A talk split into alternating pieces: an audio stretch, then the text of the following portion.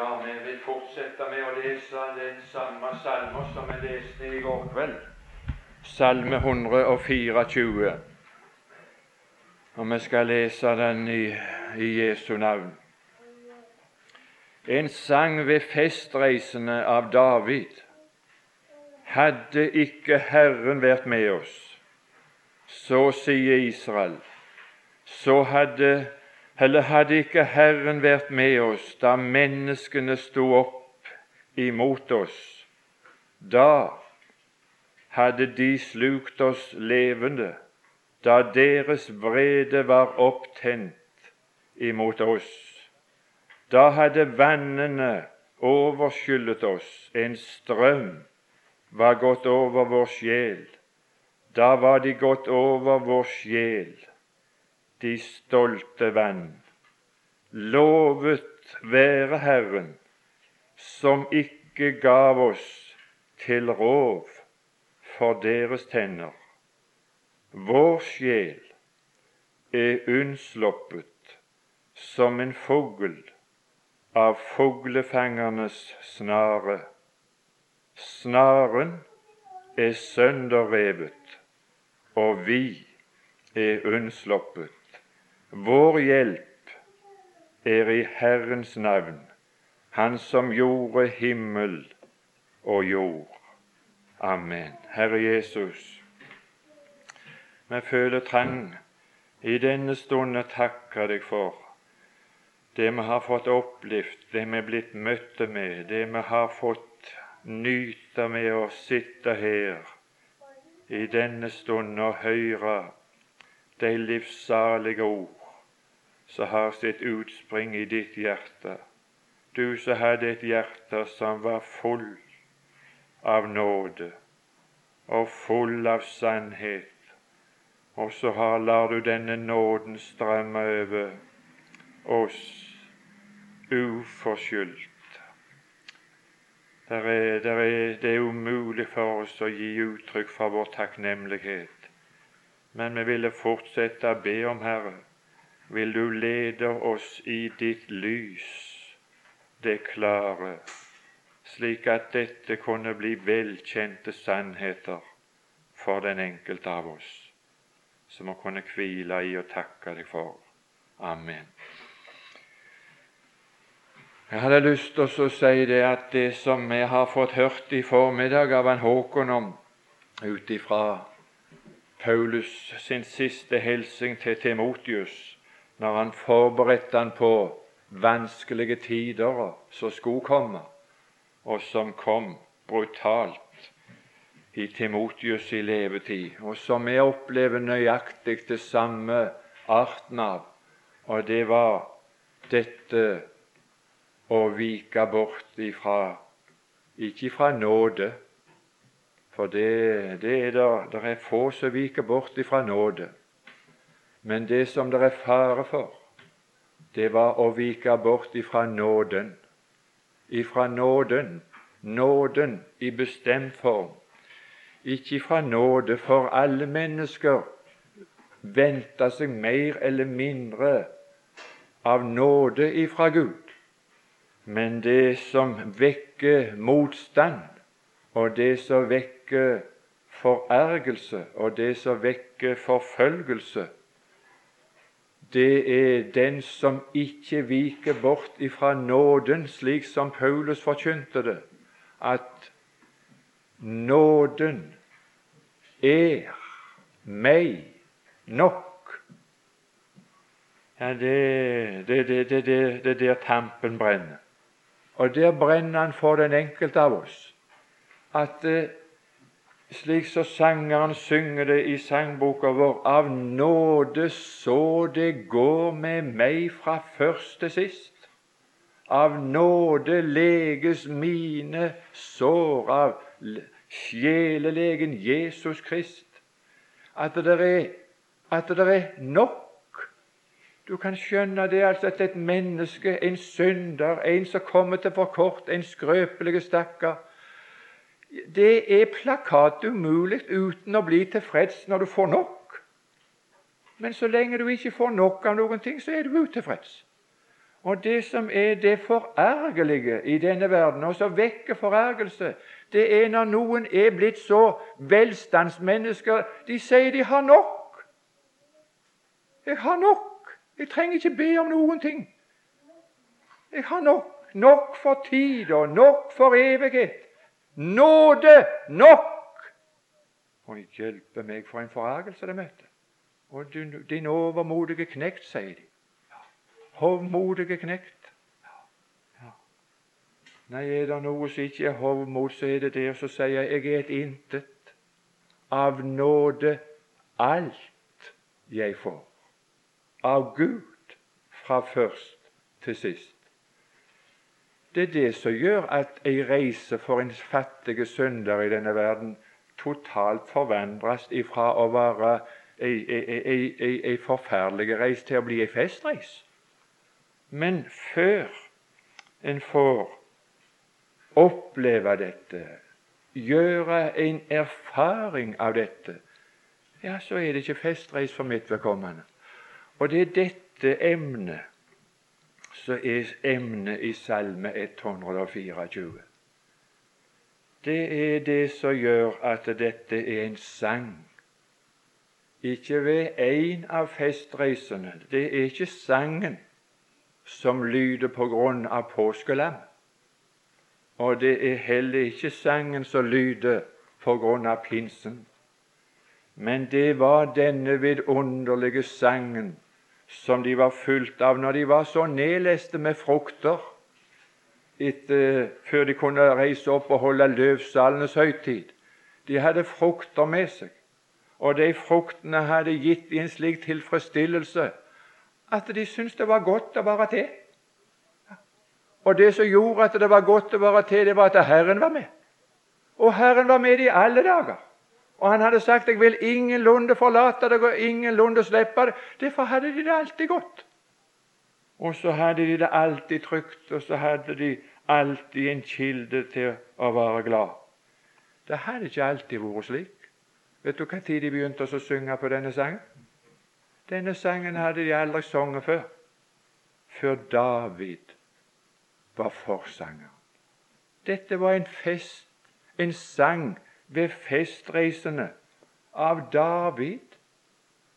Men før David, da, hvem var det som var der før? Ja, det var en som var, som var, som var, som var Israel, som var høvding og styrte og herska over dem før David, og det var Saul. Og i Sauls dager så var det ingen festreiser. Og Saul han er ikke hvilken som helst person i Bibelen. Men Saul, han er en som folket har valgt seg. Det er ikke, det er ikke, det er ikke deg, Samuel, de har forkasta, sa Samuel, men det er meg, sa Herren. De har forkasta Herren. De krever en konge etter sitt hjerte. Og i sin vrede så gav Gud de det deres hjerte ba om. De fikk en konge de fikk lov å ha det sånn som alle andre folk i denne verden. De fikk en lov til å herske over seg. En myndighet, en autoritet, som ikke var Herren, men som Herren tillot i å få. Å, du herlige land, i Sauls regjeringstid så var det ikke festreiser.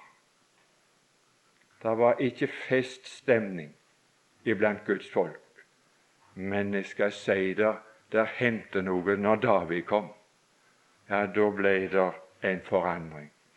Og den forandringen inntrer ikke i ditt erfaringsliv før du opplever å komme bort ifra å være et menneske under loven og komme inn under nåden.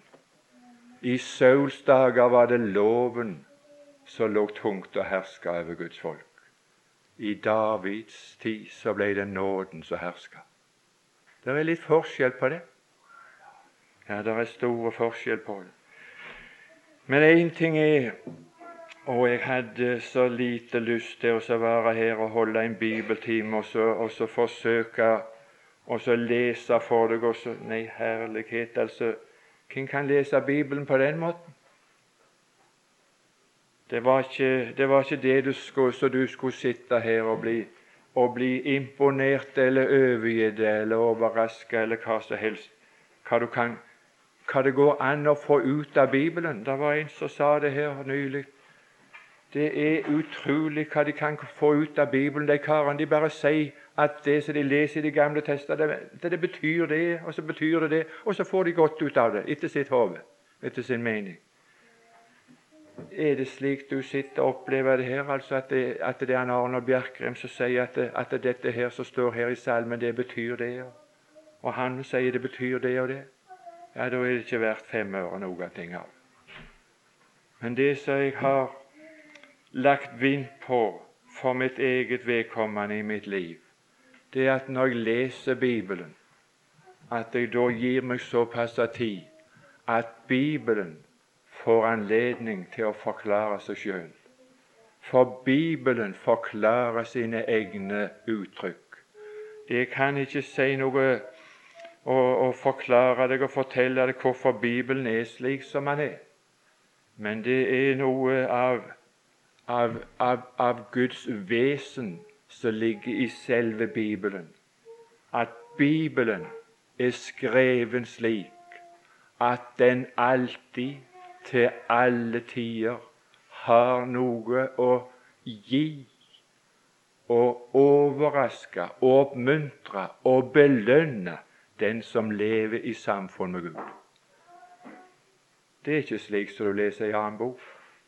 Det nytter ikke med din intelligens. Det nytter ikke med toppintelligens. De kan, Med sin toppintelligens kan de lese Salme 124. De kan analysere det. De kan til de minste detalj analysere setningene og ordbygningen og, og alt det sammen. Du kan få en eksegetisk forklaring av ord for ord av Bibelen av de som har toppintelligens. Men til tross for de, så blir det bare bokstaver. Så blir det bare ord. Det er noe som Herren har nedlagt i ordet, som er av en slik karakter. Det må åpenbares. Herre må ta sløret bort. Jeg vet ingen annen plass hvor det er slik at du må banke på for å komme inn. Det er Bibelen. Og den som banker på, for han skal det lukkes opp. Og når jeg sitter for min egen del og leser Bibelen, og jeg ikke skjønner det plukka det som står, så er det bare én vei å gå, Herre Jesus. Vil du lukke det opp for meg? Kunne du, kunne du i din nåde finne det viselig å lukke det opp for meg, slik at jeg kunne få se de underfulle ting i ditt ord? Da må jeg si jeg er blitt takknemlig til, til Herren for hver gang det lukkes opp, om det er bare en liten setning. Jeg skal prøve på det. Dette som han Håkon prøvde å få oss inn på, det er noe av det mest ømfintlige å behandle imellom troende mennesker. Det er spørsmålet om lov og nåde. Og Bibelen har fortalt oss at hvis vi begynner å trette om loven, så har det aldri gagna noen av de som gav seg av med det å begynne å trette om loven. Og de som tretta, fikk ikke noe utbytte av det, men det førte til undergang for de som hørte på en slik trette. Så jeg er, ikke, jeg er ikke interessert i her å tilføre deg stoff så at du skal bli en dyktig debattant som kan debattere å diskutere loven. Men jeg hadde så lyst, ut ifra disse dyrebare ordene, å hjelpe deg til på et sant og et sindig og et grundig fundament, å sjøl gjøre den opplevelsen jeg er fri. Og jeg er ikke bare fri, men jeg er så fri som en fugl som har vært fangen i en snare. Og grunnen for at jeg opplever friheten, det er at snaren er blitt ødelagt, og jeg er satt i frihet. da Jesus satte sjelen fri, brøt lyset frem på livets sti. Vi begynte i går kveld med å, å stansa for når de sier 'Hadde ikke Herren vært med oss'. Og så kommer han i det sjette vers, og så sier han ikke lenger bare hadde han ikke vært med, men lovet være Herren fordi han var med. Fordi han var med. Å, men her blir det en lovsang som fødes hos oss fordi at vi har gjort erfaring av at Herren, han er med oss. Han er med oss. Hvem var det, hvem var det som disse, altså her i det historiske, som gjorde denne erfaringen som jeg har lest om? Jo, historien er de som var i selskap med David. Det var en kamp, og det var en krig imellom Saul og mellom David. Og mellom Sauls hus og Davids hus. Vet du hva det var for en krig? Det var borgerkrig mellom de troende. Det var ikke bare slik i historien, men en sånn krig er det mellom de troende i dag. Det er borgerkrig. Det er den verste form for krig som jeg kjenner til. Det var enkelt nok å forstå at Israel hadde krig med filistere og, med, og med, med, alle hedenske nasjoner som ikke unte de å leve i samfunn med Gud. Men så opplevde de borgerkrig. Det var to som stridde om å ha, å ha makten over Guds folk. Og det var Saul, og det var David. Og jeg skal si at det er, er borgerkrig i de kristelige forsamlinger rundt omkring. Og det som lager borgerkrigen nå, det er at det er noen som er under loven, og så er det noen som er under nåden. Og de der der, de slåss så fillene fyker. Ja, de slåss så fillene fyker. Ja, det er det de gjør. Og det er denne, det er denne krigen og er det erfaringene ifra denne krigen som denne salmer synger om. Det er David som er forsanger. En sang ved festreisene av David. Hadde ikke Herren vært med oss, med de som var sammen med David Når? Da Saul og med hele sin flokk sto opp imot oss. Da deres da deres, da deres vrede ble opptent imot oss. Å, herlige land. Da hadde de slukt oss levende. Ja, Det hadde Sauls hus gjort. Vi skal drepe David. Det var hans. Det var hans. De som eter kjødet, har alltid forfulgt de som eter ånden. Det er et bibelsk prinsipp.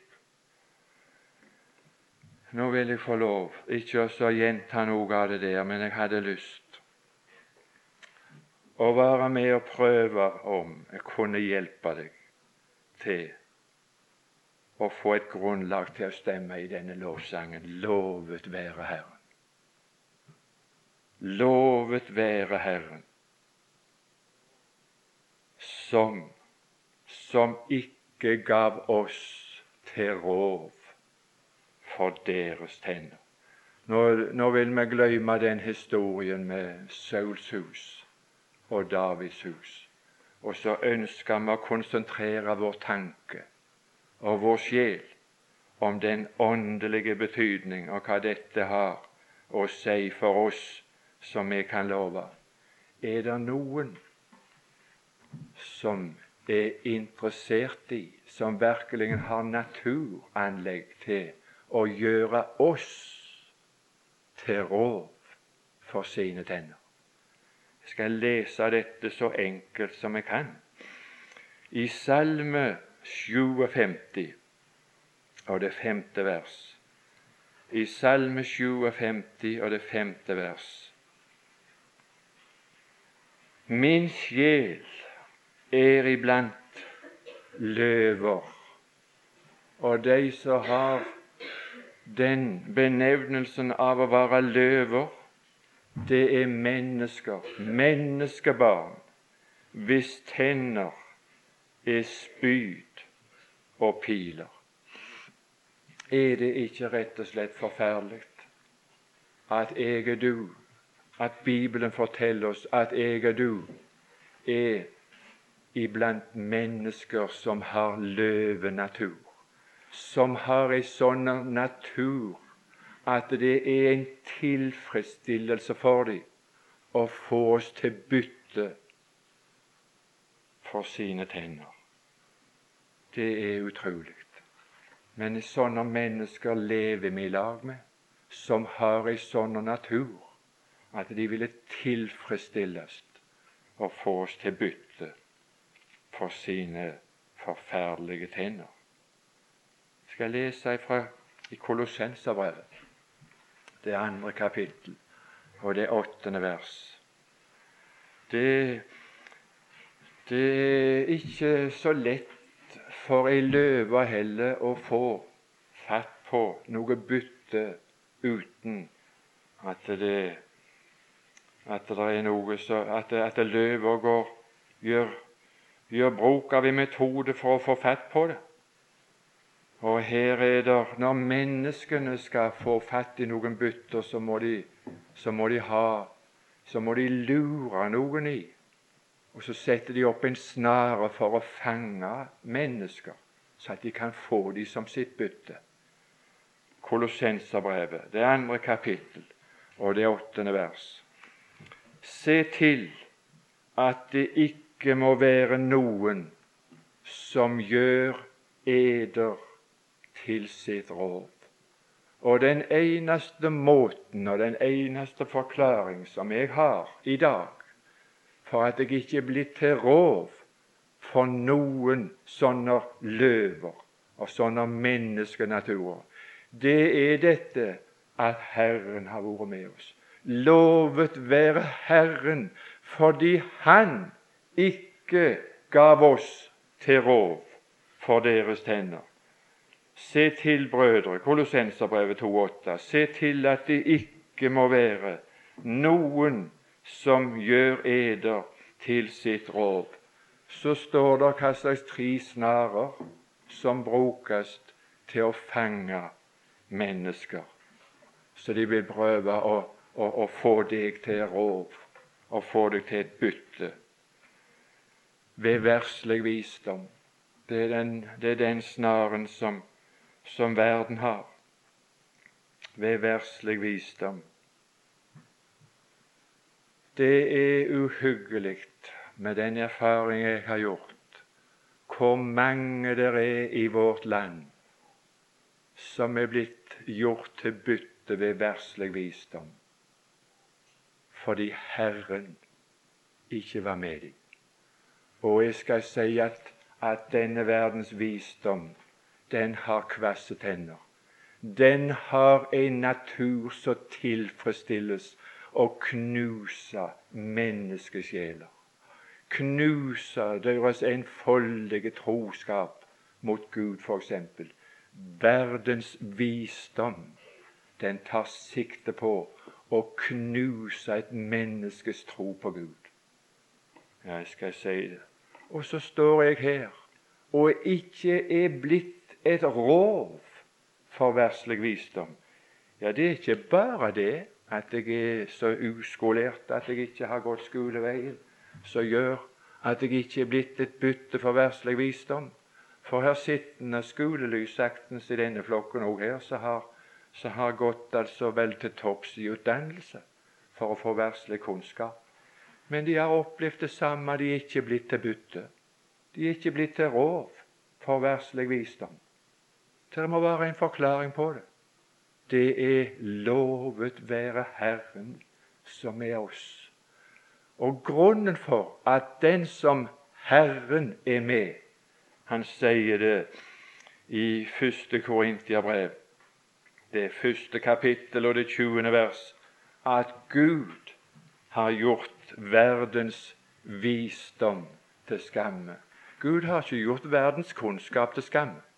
Det er ikke noe farlig i kunnskapen. Du, blir ikke, du blir ikke et bytte med å få kunnskap. Vi trenger ikke være Er, er, er kristendommen så skrøpelig, sa, de til, sa en student til, til, til professoren på universitetet, at han ikke tåler kunnskap? For han hadde jo sagt det Altså Hallesby han sto i Åkra kirke, så sa han det. Når han var ute på en innsamling til Menighetsfakultetet, så sa han det at jeg holder et foredrag til studentene ved alle nye studenter som kommer. Så sier jeg jeg håper det at dere som begynner på det teologiske studium, at dere har troen på Gud når det begynner. For det er slett ikke tilfellet at alle studenter har tro på Gud når de begynner på Menighetsfakultetet. Derfor sier jeg jeg håper at det alle hadde. Men det er slett ikke tilfellet. Og så sier jeg punkt to. Og så håper jeg det, sånn, at dere som har troen på Gud når det begynner på dette teologiske studiet, at de ikke mister den troen mens de studerer her. For det er det mange som har opplevd. Det er mange som opplever troen på Gud når de får gå gjennom dette teologiske studium det knekker troen. Det knekker troen. Men vi kan jo ikke slutte med opplysning, sa Hallesby, fordi om det har slike resultater. For kristendommen må jo tåle opplysning og kunnskap. Ja, Gud være takk. Han tåler det. Men han tåler det bare for de som har Herren med seg. Herren gav oss ikke til bytte de klarte ikke å gjøre oss til rov ved verslig visdom, for Gud har gjort verdens visdom til skamme. Og den måten som Gud har gjort verdens visdom til skamme, det er at hedningene, grekerne, visdommen Grekerne de søker visdom. De har akkurat det samme motto i dag som de hadde i i, i begynnelsen. De er på leiting. De vet ikke, det er ingen som vet. De søker sannheten. De leter seg fram. De er alltid på leiting og alltid på Så er det nye undersøkelser, nye studier, vitenskapelige prøver og arbeider for å finne fram til et svar. Mens troen har svar. Ved tro så, så skjønner vi, og det er vidunderlig godt troen. Gud har gjort verdens visdom til skamme ved at vi ble en troende. Så skjønner vi vi har fått en overbevisning. Tro er full visshet. Vi har ikke spørsmålstegn. Og vi har ingen søkning, men vi har en fast overbevisning. Jeg hadde bare lyst å påkalle oppmerksomheten for så vidunderlig som det.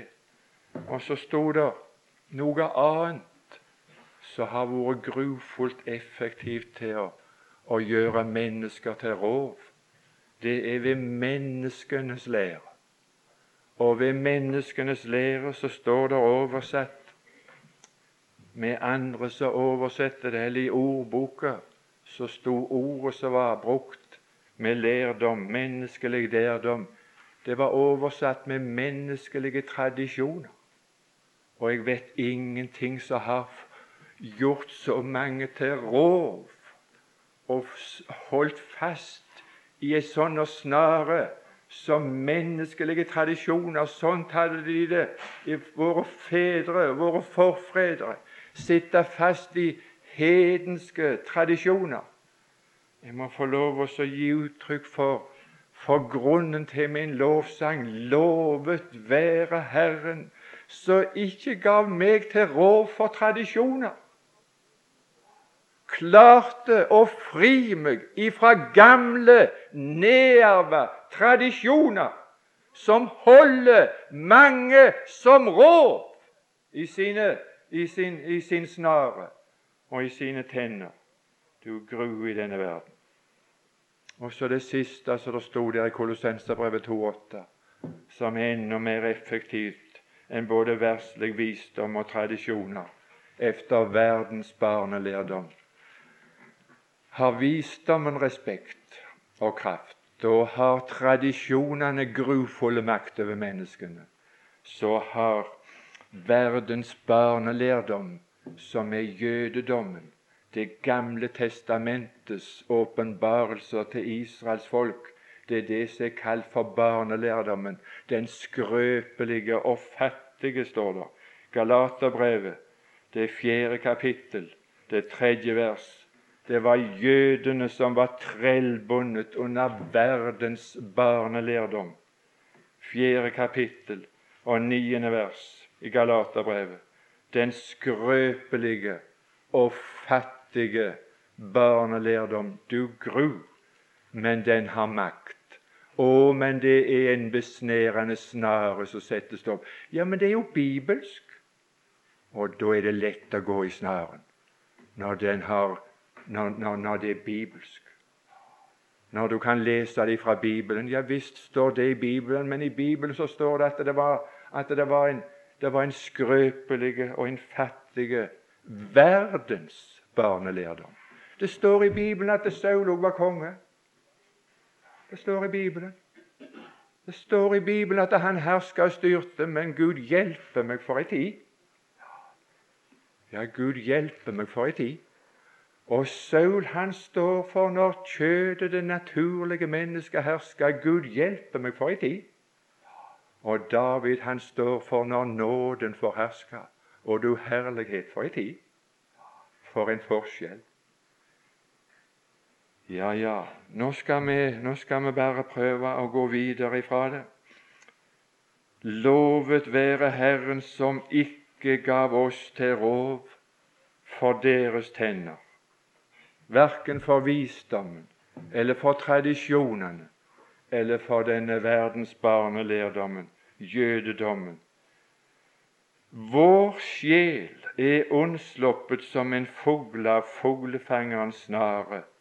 Og grunnen til at vi ikke ble til råd for dem, det var ikke fordi at de ikke ville sette opp en snare til å fange oss med, men det er, der står at her er snaren ødelagt. De har ikke noe å fange oss med. Det er ikke det at deres natur ikke har lyst til å fange oss, men de har ikke noe å fange oss med. Snaren er sønderrevet. Ja, du store, men det er ikke spøk for dem å forfange deg hvis du klarer å få fatt i dette, hvis du klarer å få se dette. Så skal du slippe å bli til rov for noen med noe av det der besnærende og det lurer. Jeg vil lese for deg litt igjen fra Galaterbrevet, som her har vært lest i formiddag. Galaterbrevet, det andre kapittel og det fjerde vers. Det var ikke bare den gangen, men det er nøyaktig slik i dag. Det er noen som har sneket seg inn, og så lurer de på vår frihet.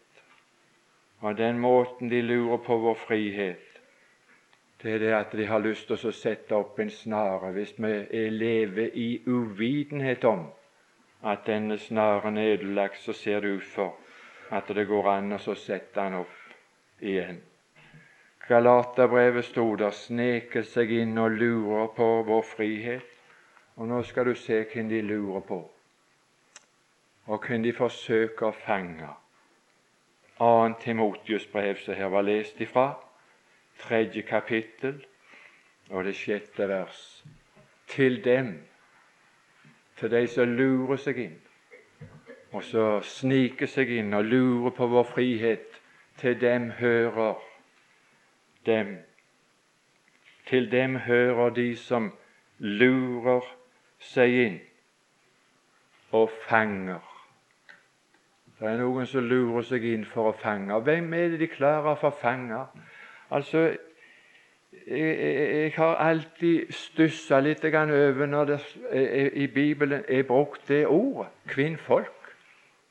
For det er ellers er Bibelen så skrekkelig høytidelig i sitt språkbruk at han alltid sier kvinner.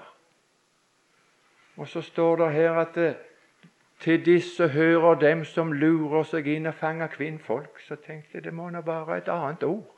Et forunderlig ord, siden at de har at de ikke skriver kvinner her. Og så var det et bibelkurs på Åkra i 657, og på det kurset så kom det en svenske. Og han, eh, var, på, var kommet og var innmeldte på bibelkurset og var begeistra for kurset. Og så når han reiste igjen, så gav han han far en bibel på svensk. Og det var den første svenske bibel som var i vårt hus. Og så fikk jeg overta den, og den har vært til stor glede, den der svenske bibelen. Og vet du hva det står i den svenske bibelen når det, står, når det, når det skrives derifra til Timotius? På svensk står det ikke kvinnfolk, men de lurer seg inn for å fange svake kvinner. Svake kvinner. Nå tror ikke jeg at det er de som er altså spesielt utsatte, bare som er kvinner. Men det, er noen som lurer seg inn for å fange de som er svake. Vi er alle kvinner. Vi er alle lignet med kvinnen i forhold til mannen i Bibelen. Alle de troende. Og så er de ute for å lure og fange disse som er svake. Hva er det som gjør at de er svakere enn andre og lar seg fange? Disse som alltid lærer og du trøster bedre meg. Jeg vet ikke noen som er så lett å fange som de som går på møtene, de mest trofaste. Det er noen som går så trofast på møtene på Åkra at de forsummer vel aldri verken et småmøte eller et stormøte. Som alltid lærer. Og så lar de seg lære av hvem som helst som står på talerstolen. Hvem som har ordet. De tar imot alt. Alltid så lærer de. Alltid er de så svake at de har de, de, de bøyer seg for Han som har ordet. Han har rett, og jeg er svake. Og så fanger de sånne svake som alltid lærer, og aldri kommer til sannhetserkjennelse. Tenk om jeg og du i vår i vår svakhet kunne komme til det punkt at når vi lærte, så lærte vi så mye at vi en gang kom til et punkt hvor vi kom til sannhetens erkjennelse. Så ble vi sterke. Så var vi ikke svake lenger. Så lot vi oss ikke fange lenger. Så lot vi oss ikke rikke, så lot vi oss ikke rokke en millimeter. Så lot vi oss ikke vike. Men det som er det uhyggelige, det er du er så svake for menneskelig autoritet. Og vet du hva det er? Det er Saul. Det er Saul. Og hvis du er altså så svak at du hører til de som bøyer seg for kjødelig autoritet, ja, så blir du en sånn trell. Så sukker, klager, og så er det gråten som overtar. Og så er det de mest gudfryktige, og så er det de mest inderlige, de mest trofaste som vi har i forsamlingen så, så, så, så, har det så vondt og så trist. Jeg hadde så lyst at vi skulle kunne fått lært noe av dette vidunderlige som her sto. Det minsteføret. Det er så minsteføret. Jeg, jeg vet ikke noe som er så fælt, jeg. Jeg har opplevd hjemme på Åkrane noen av disse her kostbare sjelene som er så svake at de, de, de er aldri sterke nok til å stå fast på det de sjøl har. Men å, jeg, jeg, bøyer meg for han som snakker, for han har greie på det. Og så gråter de. Så gråter de sine Ja, de, de får mest det samme på som samme her. Fordi de er blitt fanga. Det står og fanger svake kvinner som er Hva er de tyngd av? Er ikke kvinner som lever lettsindig det der der. Det er, ikke, det er ikke Guds barn som lever lettsindighet, men det er Guds barn som er tyngd av sin synd. Synden meg trykker natt og dag, og ofte den trykker meg såret. Skal jeg si det, det, det, det er ikke vanskelig for en predikant som i kjødelig storhet og dyktighet og mektighet og klare å fange sånne svake individer. Det er bare at jeg fanger dem med, med snarene, så sitter de der, for de er tyngde. De er tyngde av sine synder. Og så er de fangne av sine mange hånde lyster og begjæringer. Det minste før jeg gjør slike til rov. Det minste før. å gasser seg over deg og ha dem i sine tenner. Din, din stakkar, der er de. Og så er det mennesker som tilfredsstilles ved andre sin fortvilelse. Ved at andre blir fortvila og forgår i angst over sin tyngsel i sin synd. Og i sin bonde natur til synd og elendighet og verslighet, forferdelighet. Det som er vår vidunderlige opplevelse i samfunnet med vår himmelske David, det var at David, når han tok makten, så befridde han de fra Sauls tyranni. Snaren er sønderrevet. Og den snaren som, som de hadde å fange meg med når jeg var tyngde med min synd Det er ikke så skrekkelig mange dagene vi hadde et lite småmøte hvor det var en sånn trykk av stemning når vi begynte, at det var forferdelig fordi det hadde vært et offentlig møte hvor altså folket vårt på Åkra hadde totalt altså er blitt i sjelelig fortvilelse og svarteste mørke bare med et enkelt møte. Snaren er sønderrevet. Å, om du kunne få lese det. Om du kunne få ditt blikk opplatt hva det vil si på nytestamentlig vis. Efeserbrev, det andre kapittel og det femtende vers. Det var David som befridde de fra Sauls snare og elendighet den tiden, og det var Kristus som befridde oss ifra, ifra den snare som kunne fange oss i vår synd, og det var loven. Efeserbrevet 2,15. I det Kristus ved sitt kjød avskaffet den lov som kom med bud og forskrifter. Hva skal de fange meg med hvis det ikke er noen lov å fange meg med? Hvis loven er avskaffa, hvis snaren er ødelagt, hva skal de da fange meg med?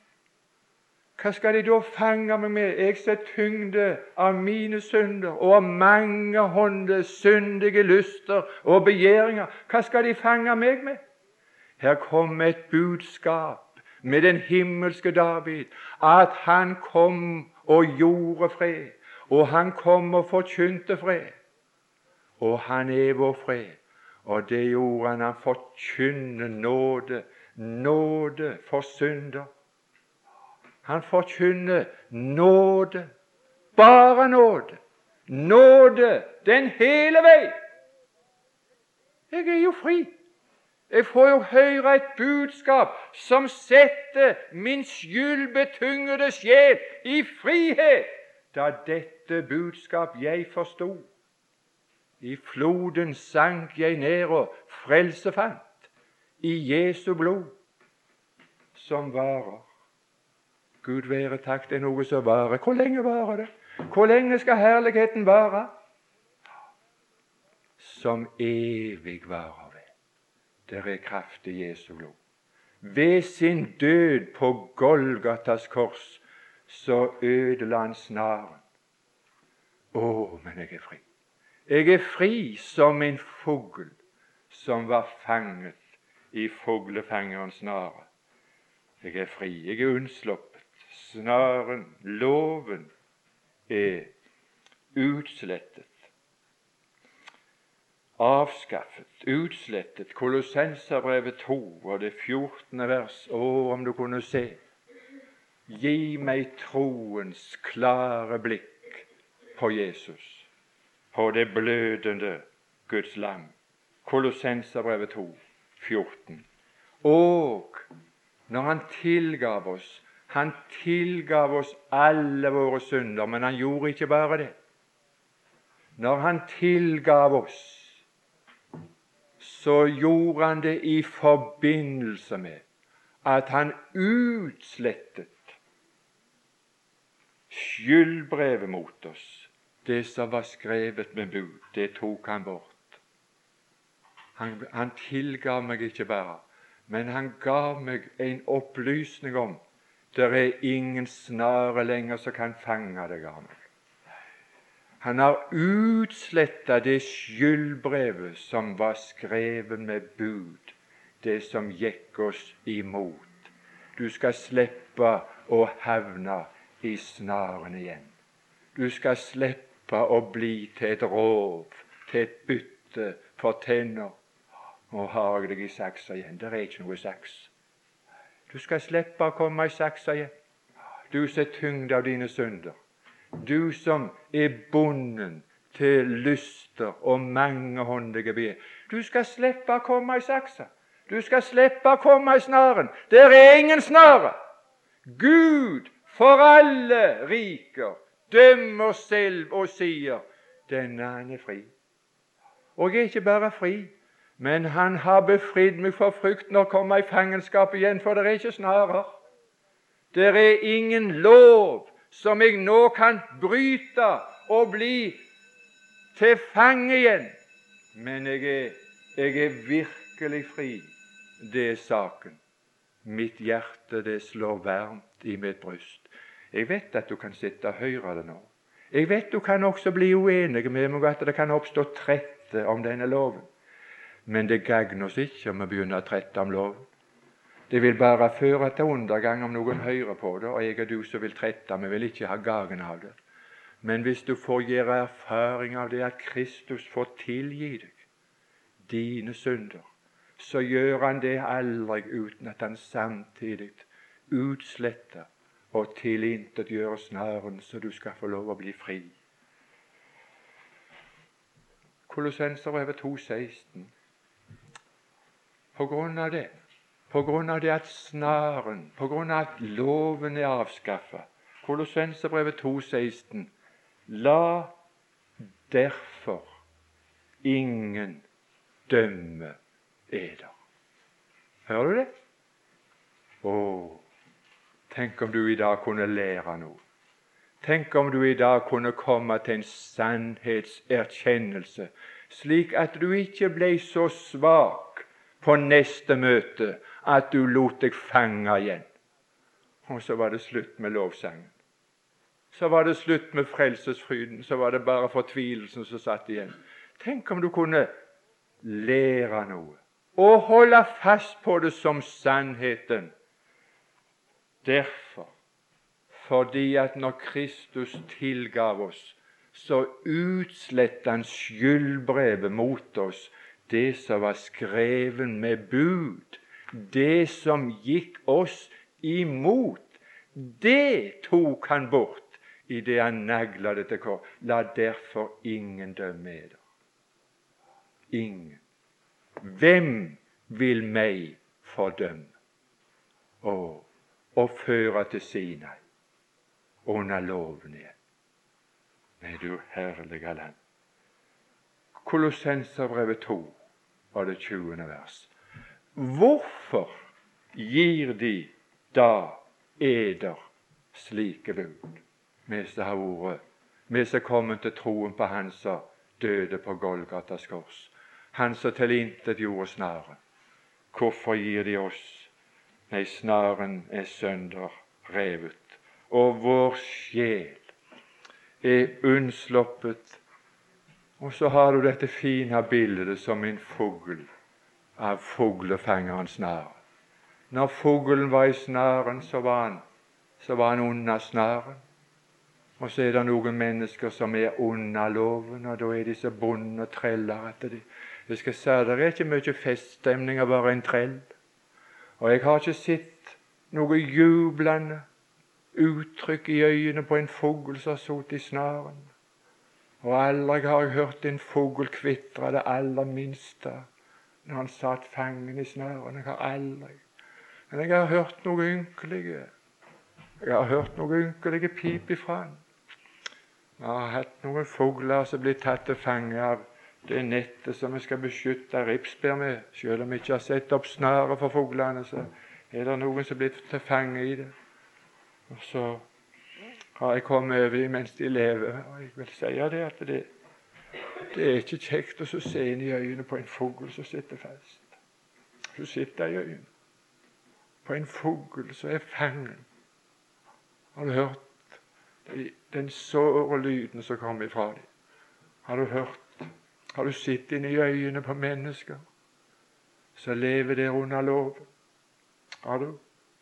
Så tar det alvorlig, så jeg kjenner tyngselen av sin synd, og så er fangen av sine mange hånder, lyster og begjæringer. Har du sett i øynene?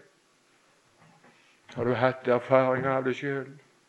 Det er iallfall ingen jubel, det er ingen kvidring. Men de gangene det har hendt at du har klart å få løst ut en sånn fugl At han ikke tok skade av det, ikke bare ødelagde så at han måtte drepes, men han kunne få slippes ut. Å, du verden. Å, du verden. Men den fuglen, den fikk en ny erfaring. Han kom inn Hva kom han unna nå? Han kom under himmelen. Og før hadde han vært under snaren. Og jeg som før var under noe lovisk, noe mørkt, noe som tok knekken på, på livsgnisten. Jeg kom under himmelen, jeg kom under nåden. Dere er ikke under loven, men dere er under nåden. Nei, det er så vidunderlig. Jeg er fri som fuglen under himmelen, i mitt rette element. Da Jesus satte sjelen fri. Ja, da brøt lyset frem på livets sti. Og til sist, og aller sist, så står han noe om hjelp. Og det har vi bruk for sjøl om vi blir satt i frihet. Ja, det skal være sant. Det er det en som skal stå her og fortelle at jeg er avhengig av hjelp, så så må jeg iallfall være den som melder meg først. Men jeg har ingen hjelp funnet å være, å være trell. Jeg har ingen hjelp funnet å være under loven. Jeg har ingen hjelp funnet i mitt liv å være under loven. Jeg har ingen hjelp funnet. Jeg har funnet bare det som kan gjøre et menneske til en trell og kua og fortvile. Men vår hjelp står her siste vers. Vår hjelp, det er i Herrens navn. Ja, Det er noe annen hjelp enn å være under, under, under loven. Til frihet har Kristus frikjøpt eder. Og vi har det i Romerbrevet, det åttende kapittel og det femtende vers. Romerbrevet 8,15 at vi fikk ikke trellekårets ånd, ved hvilket vi atter skulle frykte, men vi fikk barnekårets ånd, ved hvilket vi roper Abba, Far. Nå er vi nåden. Det er nåden. Før var det loven som herska, det var bare til død. Loven har bare en forbannelse. Når Saul herska, så lyste han bare forbannelser. Men når David herska, så lyste han bare velsignelser. Du verden for en forskjell. Vi er ikke, når vi var under loven, så herska loven ved døden, står det. Men like som loven herske, så skal nåden herske ved Jesus Kristus til et evig liv. Og Det siste jeg vil da prøve på å fortelle deg om, noe en vidunderlig styrke som han Håkon her forsøkte å få oss på sporet. At når Herren står hos oss, er han ikke passiv, men der utstråler ifra han en, en styrke som han formidler til oss. Han styrker oss. Første Peters brev, det andre kapittel og det 21. vers. Første Peters brev, det andre kapittel og det 21. vers. Nå skal du få se en som er vår hjelp, og han er min eneste hjelper. Kristus efterlot oss noe her i denne verden før han reiste hjem igjen. Og det han efterlot oss, det var noe som skulle bli til vår hjelp for vår vandring i denne verden.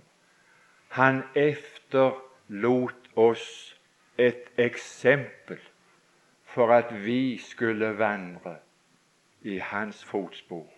Du verden for ei hjelp Herren gav oss, og som Han etterlot oss.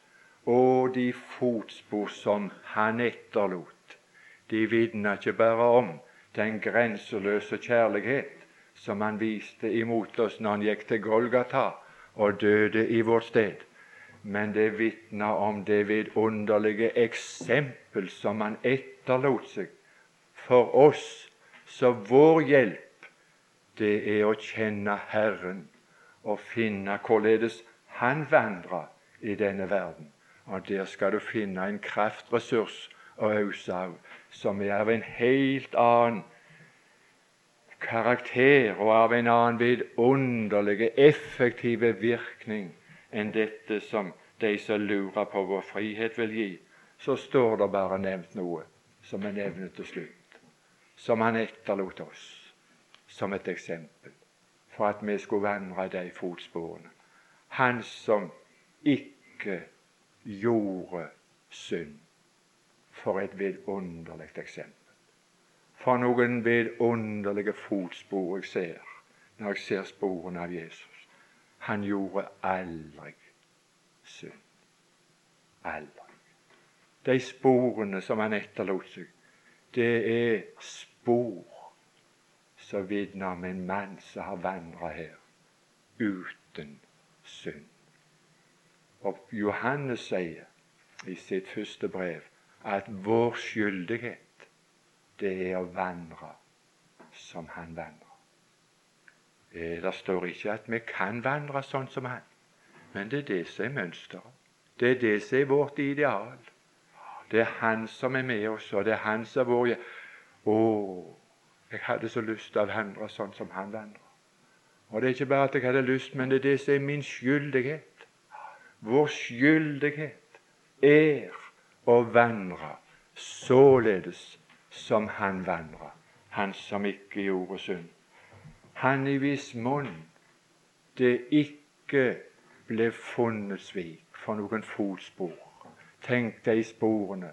Var det aldri noe som vitna om at det var en munn som det hadde vært svik i? Tror du det er ganske uoppnåelig å nå opp imot det? Herren er vår hjelp, og han styrket meg. Han så en dag Nathanael kom til så han gav han en, en, en, karakter. Jeg vet det at vi skal ikke ha karakterer i vår tid. Det er, ikke, det er ikke inn i tiden å gi karakterer. Men Bibelen av Gud han har vært veldig til å gi karakterer. Og så gav han Nathanael den karakter. Han var ikke en israelitt men han var en ekte. Her har du en ekte israelitt. Hva var det som gjorde han til en ekte? Han var en mann uten svik. Nathanael, en ekte israelitt så det ikke er svik i. Og Jesus, han var Han etterlot oss et eksempel. Det er det som er min hjelp. Det er det han skulle hjelpe meg til, at det ikke skulle være svik i min munn. Han som ikke skjelte igjen når han ble utskjelt. Det han som er min hjelp. Hvorfor, hvorfor tok du ikke igjen, sa de til han i fengselet, sa Aurebekk har fortalt oss om. Hvorfor slo du ikke igjen? Vi venta på det skulle komme slag. De peiste til han der, og så peiste de han. Og så rødma han av sinne. Sinnet ville ta han. Knevene knyttet seg på han. Men så ble det ikke noe av det. Så spurte jeg hvorfor tok du ikke igjen. Det var Jesus, sa han. Det var Gud. Jeg kom han i hu. Han som ikke skjelte igjen, han som ikke tok igjen. Så var det han jeg hadde lyst til å ligne, så tok ikke jeg henne igjen. For hans skyld. Å, men der er det ikke bare der er det ikke bare et mønster, men det er en hjelp til å bli slik. Vår hjelp er i Herrens navn. Han som ikke trua når han led. Hvordan er det når når du lider. Hvordan var det med Paulus til å begynne med når han fikk lidelse? fikk han hjelp. Fikk han hjelp til å bli fri lidelsen. Fikk han hjelp til å be til Gud så at han kunne bli fri lidelsen. Vet du hva han fikk hjelp til? Vet du hva Paulus fikk styrke til? Det skal styrke til å la være å be. Det skal styrke til å la være å be. Det skal ikke mye styrke til å be, men det skal styrke til å la være å be. Om denne lidelsen så bakte Herren tre ganger, sa Paulus. Og så sa Herren til ham, nå må du ikke be mer. Nå må du ikke be mer. Og så slutta han å ba. Og grunnen til at han slutta bare ba, han fikk en hilsen fra himmelen. Min nåde er deg nok. Min kraft fullendes i skrøpelighet. Så tror han ikke i lidelser. Så ba han seg ikke ut av lidelser. Han ligna på han. Han som kunne bitt en legion av engler, og så hadde de befridd han. Han bar seg ikke fri fra lidelser. Han som ikke truet når han led. Han som bar våre synder på sitt legeme opp på treet, for at også vi skal avdø ifra våre synder og leve for rettferdigheten. Det er det som han er vårt et eksempel til. At vi skulle leve, at han skulle være en hjelp for oss, slik at jeg og du skulle kunne leve for rettferdigheten. Vandre verdig til velbehag i alt ved å efterfølge Han i Hans fotspor. Fader, i Kristus Jesus, vi er for ditt åsyn. Og vi er her med å lese ditt dyrebare ord og forsøke å skulle hjelpe hverandre, Herre. La det ikke bli ei hjelp som er intet verd, men la det bli ei hjelp så det kunne være ei hjelp ifra deg, Jesus, til den enkelte av oss, slik at vi kunne